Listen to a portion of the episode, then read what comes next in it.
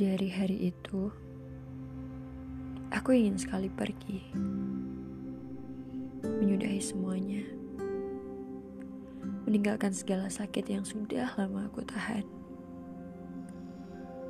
Tapi, bayangan akan hancurnya dia selalu menghalangi jalanku. Aku sangat mencintainya. Bahkan aku sangat kurang ajar pada diriku sendiri. Aku gemar sekali menahan sesak. Kata orang, aku bodoh. Bahkan sangat bodoh. Memikirkan bagaimana dia tanpa aku. Tapi tidak memikirkan bagaimana jika aku terus bersama dia.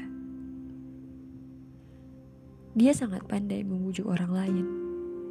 Salah satunya aku. Aku ingin istirahat, berhenti sejenak, lalu mencoba mengenali diriku sendiri.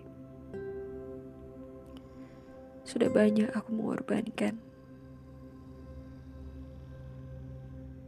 Kasihan ya. Wahai diriku, sekali lagi aku mohon. Mari temani aku ya. Kamu boleh menyerah, tapi jangan pernah berhenti.